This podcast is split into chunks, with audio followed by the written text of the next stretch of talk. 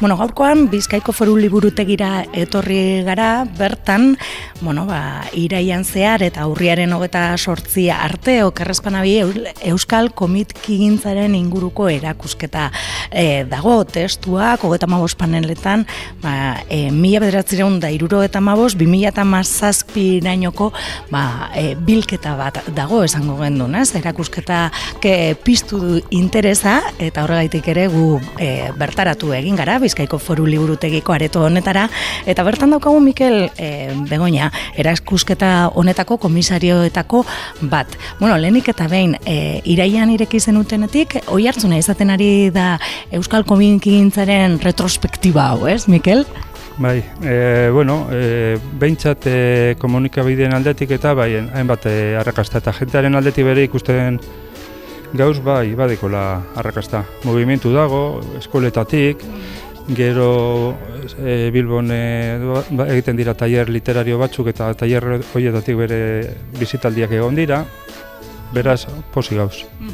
Bueno, e, zaila izaten da olako bat labur biltzea, ez? Mila bedertzireun da iruro eta magostetik, bi mila eta mazazpira Euskal Komik egintzak eman duen laburpena da hau, e, nola, nola abiatu duzue laburpen hori? Bai, bueno, gatza da, ze iruro eta mabostetik aurrera, zabaltzen da Euskal Komiki gintzarako ba, bere zerarik, e, bere e, arorik e, garairik aberatzena. Eta bai aldizkarien aldetik, bai liburuen aldetik, albunak, fanzineak, mm, lerro asko ezberdinak zabaltzen dira. Eta, bueno, saiatu gara purbeto horrekatzen eta e, lerro guzti hauek ba, hemen e, e, ekartzen e, paneletan eta eta aztertzen. Mhm. Lehen gota behin gainera garrantzitsua da data, ez? Noiztik abiatzen dan, ez? Agian zen e, aurretik e, basaiagoa edo salako ere, baina Euskaraz agian gutxiago, ez? Bai, Euskeraz batez bere gerra ostean izan zen ba, ia komikigintza, Euskerazko komikigintza desagertu egiten da, salbu espen txiki batzuk badaude, oso interesgarriak direnak, batzutan e, hori gerra osteko garaia aztertzeko ba, lupa erabili behar da, ze agertzen dira, ba, ez dakit, nahitasuna batean argitara, argitaratzen dira komiki batzuk e, urte batean edo, berroko margarren e, amarkadan, gero badago beste aldizkari bat, panpin, ume aldizkari bat, sortzen dana bere bai, eta gero ba, esan bezala nahitasuna eta zeruko argia. Zeruko argian bere holan e, badago egile bat, Juan Antonio Letamendia egituten dana eta bertan argitaratzen da bena. Baina aldaketa batez bere inguru honetan ematen da, osea iruro eta boste inguruan, apurbe eta aurrera gotik eta e, igual alda emini, alda izango zan emini datatzen nik uste dut iruro eta mairutik aurrera ja badaudela sintoma batzuk, edo ikusten dira ja aldaketaren e, zantzu batzuk edo argitalpen barri batzuk agertzen dira irurok eta mairuan, tintin argitaratzen da lehenengoz, Bilbon. E, Euskaraz. Euskaraz, bai. Mm, gero lareak bere argitaratzen dau eta bargaitzuten dan e, zera bat, e, liburuzka oso polita dana. Kurioso, laria, e, orain di jarraitzen duena. Hor dago, bai. Ba, ma, mantetzen da topera eta gainera aurten e, berantzago da ospakizuren e, urte bat. Berrogei urte betetzen ditu sakilizutek, ez? Sakilizut historikoak, ba, berrogei urte betetzen dauz, ba, aste honetan edo e, hogeta bederatzean uste dut. Mm Bueno, apuntatzen dugu data. Apunta, apuntatu, ze oso interesgarria da eta ospatzeko modukoa bada, bai. Bueno, Mikel, ondo iruditzen bazaizu, ja ona etorri garela, pizka bat kokatu dugu e, zer topatzen dugun, nondik hasi beharko genuke erakusketa hau ikusten? E, nondik abiatu beharko genuke? Bueno, normalena esango zen, ba, ibilbide kronologikoa jarraituz. Baina, bueno, badaude beste irakurketak beste modu batzuk bere erakusketa ikustekoak. Mm Aldozu, alda egin, Bueno, normalena alde modu kronologikoan egita. Hasi, eta magostetik eta aurrera jarretu. Bai, ez, eh, horrela izaten da, bueno, eh, desordenean ere egin daiteke ez, baina irurogeta magostean, bueno, aipatu duzu, anaitasuna... Beste, beste modua izango zen, ba, ikustea, ba, adibidez, e, aztertzea, ba, aldira egin, ibilbide ezberdinak. Adibidez, ba, ibili aldi bat izango zen umore grafikoaren ibilbidea. Mm -hmm. umore grafikoa izan da Euskal Komiki gintzaren historia beti, beti izan da konstante bat. Mm Sortu zanetik, sortu zen umore grafikoa moduan emeretxigarren amaieran, eta gaur arte umore grafikoa ba, or, mm, beti mantendu dan e, zera bat, lerro bat izan da, formato bat gero aldizkariena, alde izan ume aldizkariena. Eta hemen ikusten ditugu berrogei urte bueltan gaudenok, ba, ikusten ditugu gure e, bueno, ba, e, txikitako sasoiko irakurgaiak, ez? Ipurbeltz eta kilikili esaterako, ez? Bai, horre dira gure... klasiko bat. Klasikoak, bai. Bakotza dauka bere zaugarriak, mhm. ipurbeltzek eta kilikilik, kilikili hemen bilbon sortu zen, E, Ipurbeltz e, lehenengo sortu zen, bilera baten ondorioz e, sortu zen zarautzen egin zana, eta lerro ezberdinak dira, baina batez bere publiko gazteenari zuzendutako aldizkariak dira. Izan dira, bai. Mhm. Aipatu duzu, umore, umore grafikoa ere garrantzia izan duela Euskal Komikian, ez? Bai. Ba, lehen eh, aipatu dugu Antxonolariaga, Antxonolariaga adibidez, ba, ja anaitasunan e, agertzen da, irurogeta amabos buelta honetan hor badaude ja e, gure komiki gintzaren klasiko batzuk, Juan Carlos Egilor, Jon Zabaleta, mhm. eta Antzono Lariaga, bera. Eta hortik aurrera, irurogeta mazazpi inguruan sortzen dira hainbat e, aldizkari eta egunkari barriak sortzen da egin, deia, punto jora, e, garaia eta ere sortzen dira. Eta horre guztietan e, beti umore grafikoa beti agertzen da bai. Kuriosoa bada, oraindik ere jarraitzen duela egunkari batzuetan. Bai, bai. Eta jarraitzen du balde batetik e, euskarazkoa dena batez bere indartzu berrian, mm -hmm. eta Saldieroa. Saldieroa bere ba, datorren hilean edo argitaratuko da bere zazpigarren e, bilduma, derrerun naturaren e, zazpigarren bilduma. Eta gero, aparte, e, tokiz tokiko aldizkarietan bere, e, ba, ilustratzaile oso oso onak daude. Eta, bueno, ba, hor dadoz, ba, holan batzuk gaipatxarren, Michelena, iruneko aldizkarian, orain ezak izelan zan, e, e, mor, e, Morkotx, bueno, e, Juan Antonio Azpilikueta, bat horrek marrasten dau diario basko eibarren daukan gehigarrian, e, orduan, e, umori grafikoa ondino jarren da ba, gure, Ardatza, gure ardatza bat. Iruroge, no, iruroge eta margarren amarkadatik, klaro, egarren amarkadara salto egingo dugu, bueno, eta hemen e, aldaketa handiagoa e, sumatzen dugu, konta iguzu. Bueno, ba, hemen, hau da, e, batez bere larogi garren amarkada e, gure urrezko, komikiaren urrezko aroa mhm. izan alda. E, ba, alde batetik sortzen direlako argitealetxeak, mm ikusager bat adibidez, e, tartalok bere bai e, komikiak argitaratzen dauz, e, ereinek bere bai, mhm.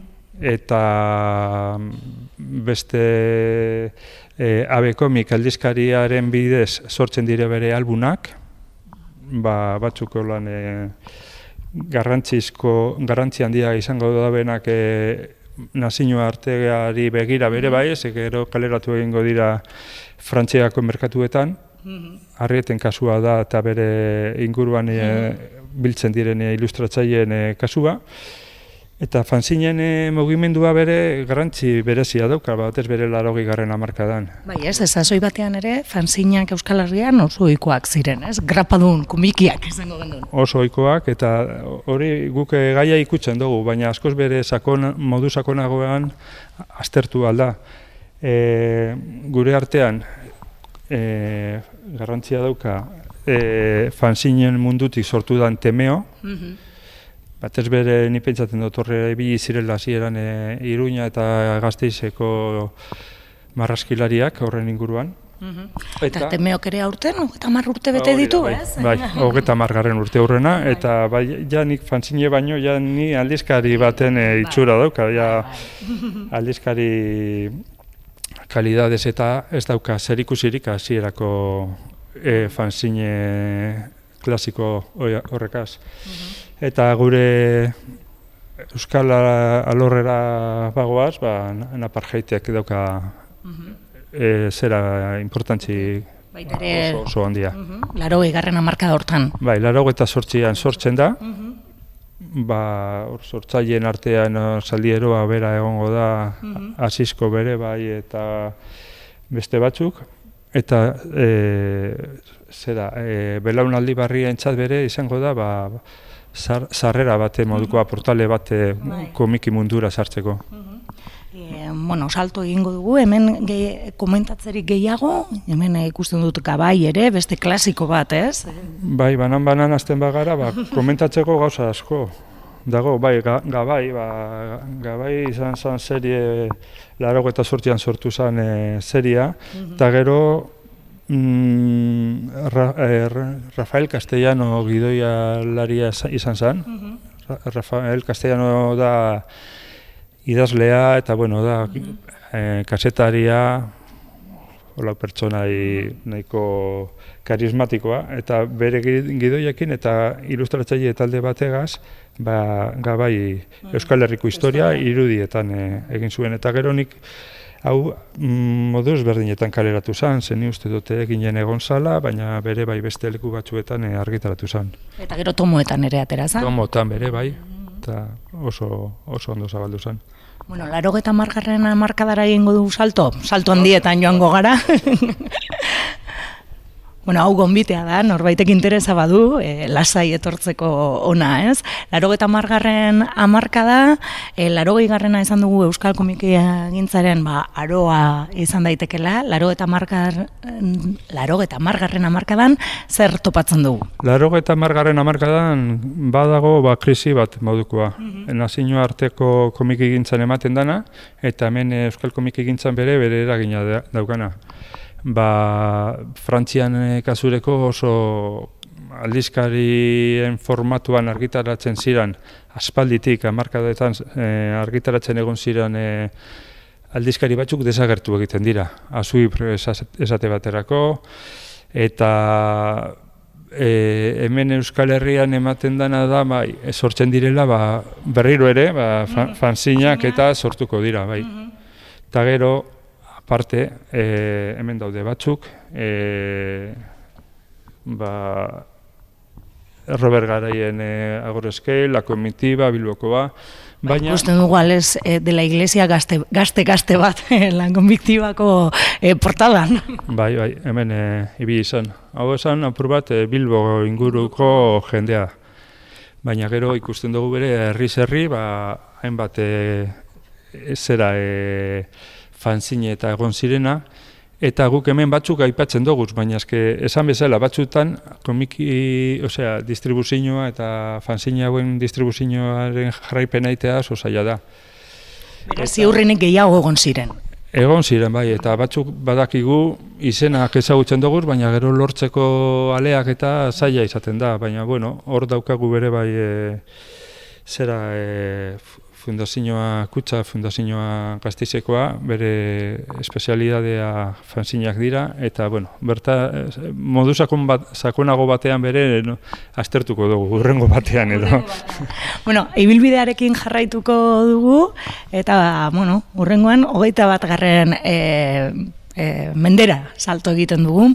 Eta hemen bai dagoela ja beste salto bat, ez, esango gendun. Bai, azpimarratzekoa, bueno, e, novela grafikoaren e, etorrera, orain, e, orain da, e, hogeta bat mendegarren honen e, hasieran. Novela grafikoa zer dan, batzuk esaten dabe hori tontakeri bedala, baina Ez que du ematen komiki hitza, e, bueno, ba, e, ematen duela gaztetxoi e, zuzendu edo lotutako e, hitza dela, eta horregaitik novela grafikoa deitzen diogu orain, naiz eta...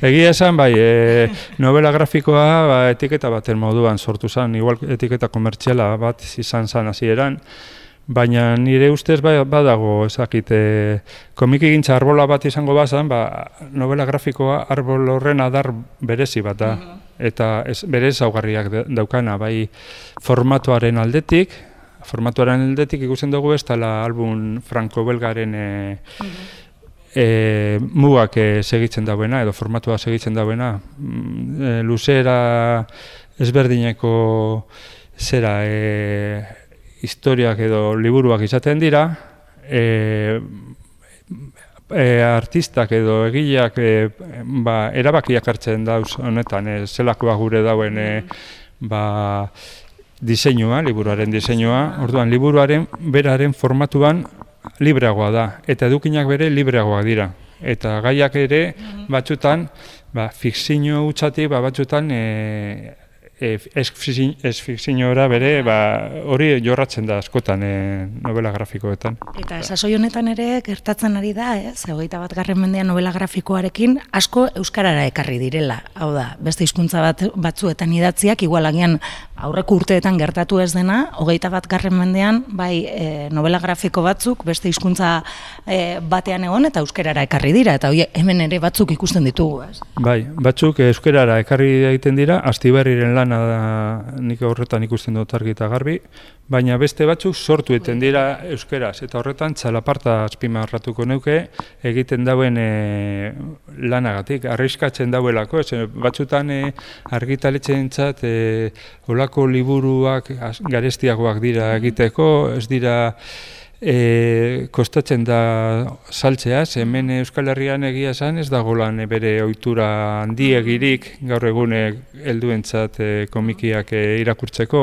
Baina txalaparta da, nama urtetxo batzuk, abiak, e, zar, e, zarrakamalda ikusten duten mendik ere, bueno, badira urte batzuk, e, bueno, Gabriel Arestiren erroak ateratakoa, ies ederra, bueno, badira urte batzuk, ez? Bai, bai, nik e, kantidaderen aldetik igual ez da gehiegi, baina nik ikusten dut e, ba, hartzen dauela berak ez, ba hori arrisku baten moduan ba, bere gaina hartzen dauz e, autoreak, bertoko autorea direnak, eta sortu egiten du. Ez mm. itxurketa hutsa bakarrik, eta sorkuntzaren alorrera ba, animatu da. Eta txalapartaz aparte, ba, bueno, e, ba daude... Beste, beste ale batzuk agertzen dira euskera sortutakoak, ez? Sort, e, novela grafikoaren formatuan, ba, dibidez, erro argitaletzea, mm -hmm. hemenengo bilboko... Iez ederra aipatu duzu, eta gero ere agian aldizkari erreparatuta gaur egun, oza, biroi ere aipatzekoa da, ez? Oso importantea da, batez bere, ba, urteroko produzioan ba, beti jartzen dau zera bat, ale bat, ale bat. Eta horrek emoten dutxo bere euskal e, produzioari emoten dutxo ba, egonkortasun bat. Eta formatuaren aldetik ba, honek ba, badaukaia album klasikoaren e, itxura gehiago eta bueno, Dani berak, e, Dani Fanok e, azaltzen dauen saiatzen da beti hemengo ilustratzaileak eta hemengo e, idazleak lotzen eta horren eman, e, zera, e, lotura horretatik ba, mm. lehenengo argitaratzen dauze zera, e, aldizkarian e, zatika eta gero e, urtero bat bilduma bat, ale bat ale bakarrean e, argitaratzen dauz. Bueno, eta ja, ia, ia azkenengo paneletara heltzen ari gara dudabarik, e, hau, e, bueno, ba, laurpen bat da, eh? ziurrenik oraindik ere, ba, urte asko dira, mila bat zirunda eta ma bostetik, e, bi mila eta mazazpira, bueno, ba, e, urte asko direla, eko, ez? Bai, bai, gero, sakontasunez aztertzeko, ba, hemen algara sartu, ba, aztertzera panel bakoitza, ba, ez dakit, ordu bat, emon aldugu mhm. panel bakoitzagaz baina hau ikuspegi orokor bate modukoa da panoramika zabala. E, paneles gain, gero aipatu behar, gero ale batzuk ere hemen bitrinetan ikusi daitezkela, ez? Komiki, e, bueno, liburua komikiak ikusteko fizikoki nolakoak ziren. Hori da, bai, hemen bitrinetan, ba, eta orain emini da bez berean... E, bai, ikutu alizateko zango. Ikutu eta ikutu, ikusi alizateko. Horrez gainera, e, zera bat argitaratu dugu bere katalogo bat, katalogo bat. eta katalogoak paneletan agertzen ez den e, gauza ez diren agertzen ez diren alde asko ba sakona modu sakonagoan e, aztertzen dira. Honetaz gain, esan dugu urriaren hogeta sortzir arte irekita dagoela e, foru liburutegiko aretoan, baina ekintza mordua ere egiten e, egingo dituzu ez? E, badira, e, bueno, ba, itzalditxoak, Dani Fano aipatu duzu, eta okerrezpana bilbera ere egongo da itzalditxo bat ematen, zu ere egon, ibiliko zara, bueno, honekin batera ez nahi dut esan Euskal Komik egintzaren inguruko, bueno, ba, jardunalditxo batzuk izango direla. Ba, jardunaldi, boro bildu egin da bez, ba, hori, ba, itzalditxoekin, e, hori, Dani Fano eta Fernando Tarankon, eta Koldo azpitarte e, moderatzeien moduan e, egongo da, tailer batzuk egon dira bere bai, mhm. horrek ja izan dira, Gero nik iruan uste dute daukadala zera bat, e, Euskal Komikikintzaren historia, baina hasieratik mm -hmm. aprobete, saiatu gena zorre alda moduan kontua saltzen, eta, eta hori, ba, dakit zeo zer e, astuten badugu, baina... Bueno, ba, entzuleari egon bitea lusatu, ez? E, bueno, urbildu daitela, eta hemen informazio asko dago, eta bai, ikus daiteke Euskal Komik egintzak nolako bilakara izan duen, mila bedatzen da irure eta mabostetik, bi mila eta amazazpi honetara. Hori da. E, hemen daukazu egunero zabalik, amarterdietatik... E, Ordu bitar ditara, uste dut. Bai, eta, gero arratzaldez ere. Eta zapatu goizeatan. Bueno, ba hori izan da, gainera ere bizita gidatuak badaude, beraz, informazioa e, bildu daiteke, eta nahi izan ezkero ere bizita gidatua egiteko aukera dago, bestela hemen, ba, bueno, kronologikoki jarraituz, ba, gutxi gora bera ideia bat egin dezakegu. Ba, mik, el, eskerrik asko e, ba, gaur, zuere, ba, gurekin bizita hau egin izanagaitik, entzuleari gonbitea lusatzen diogu, eta mila esker. Bai, kasu hori, mila esker.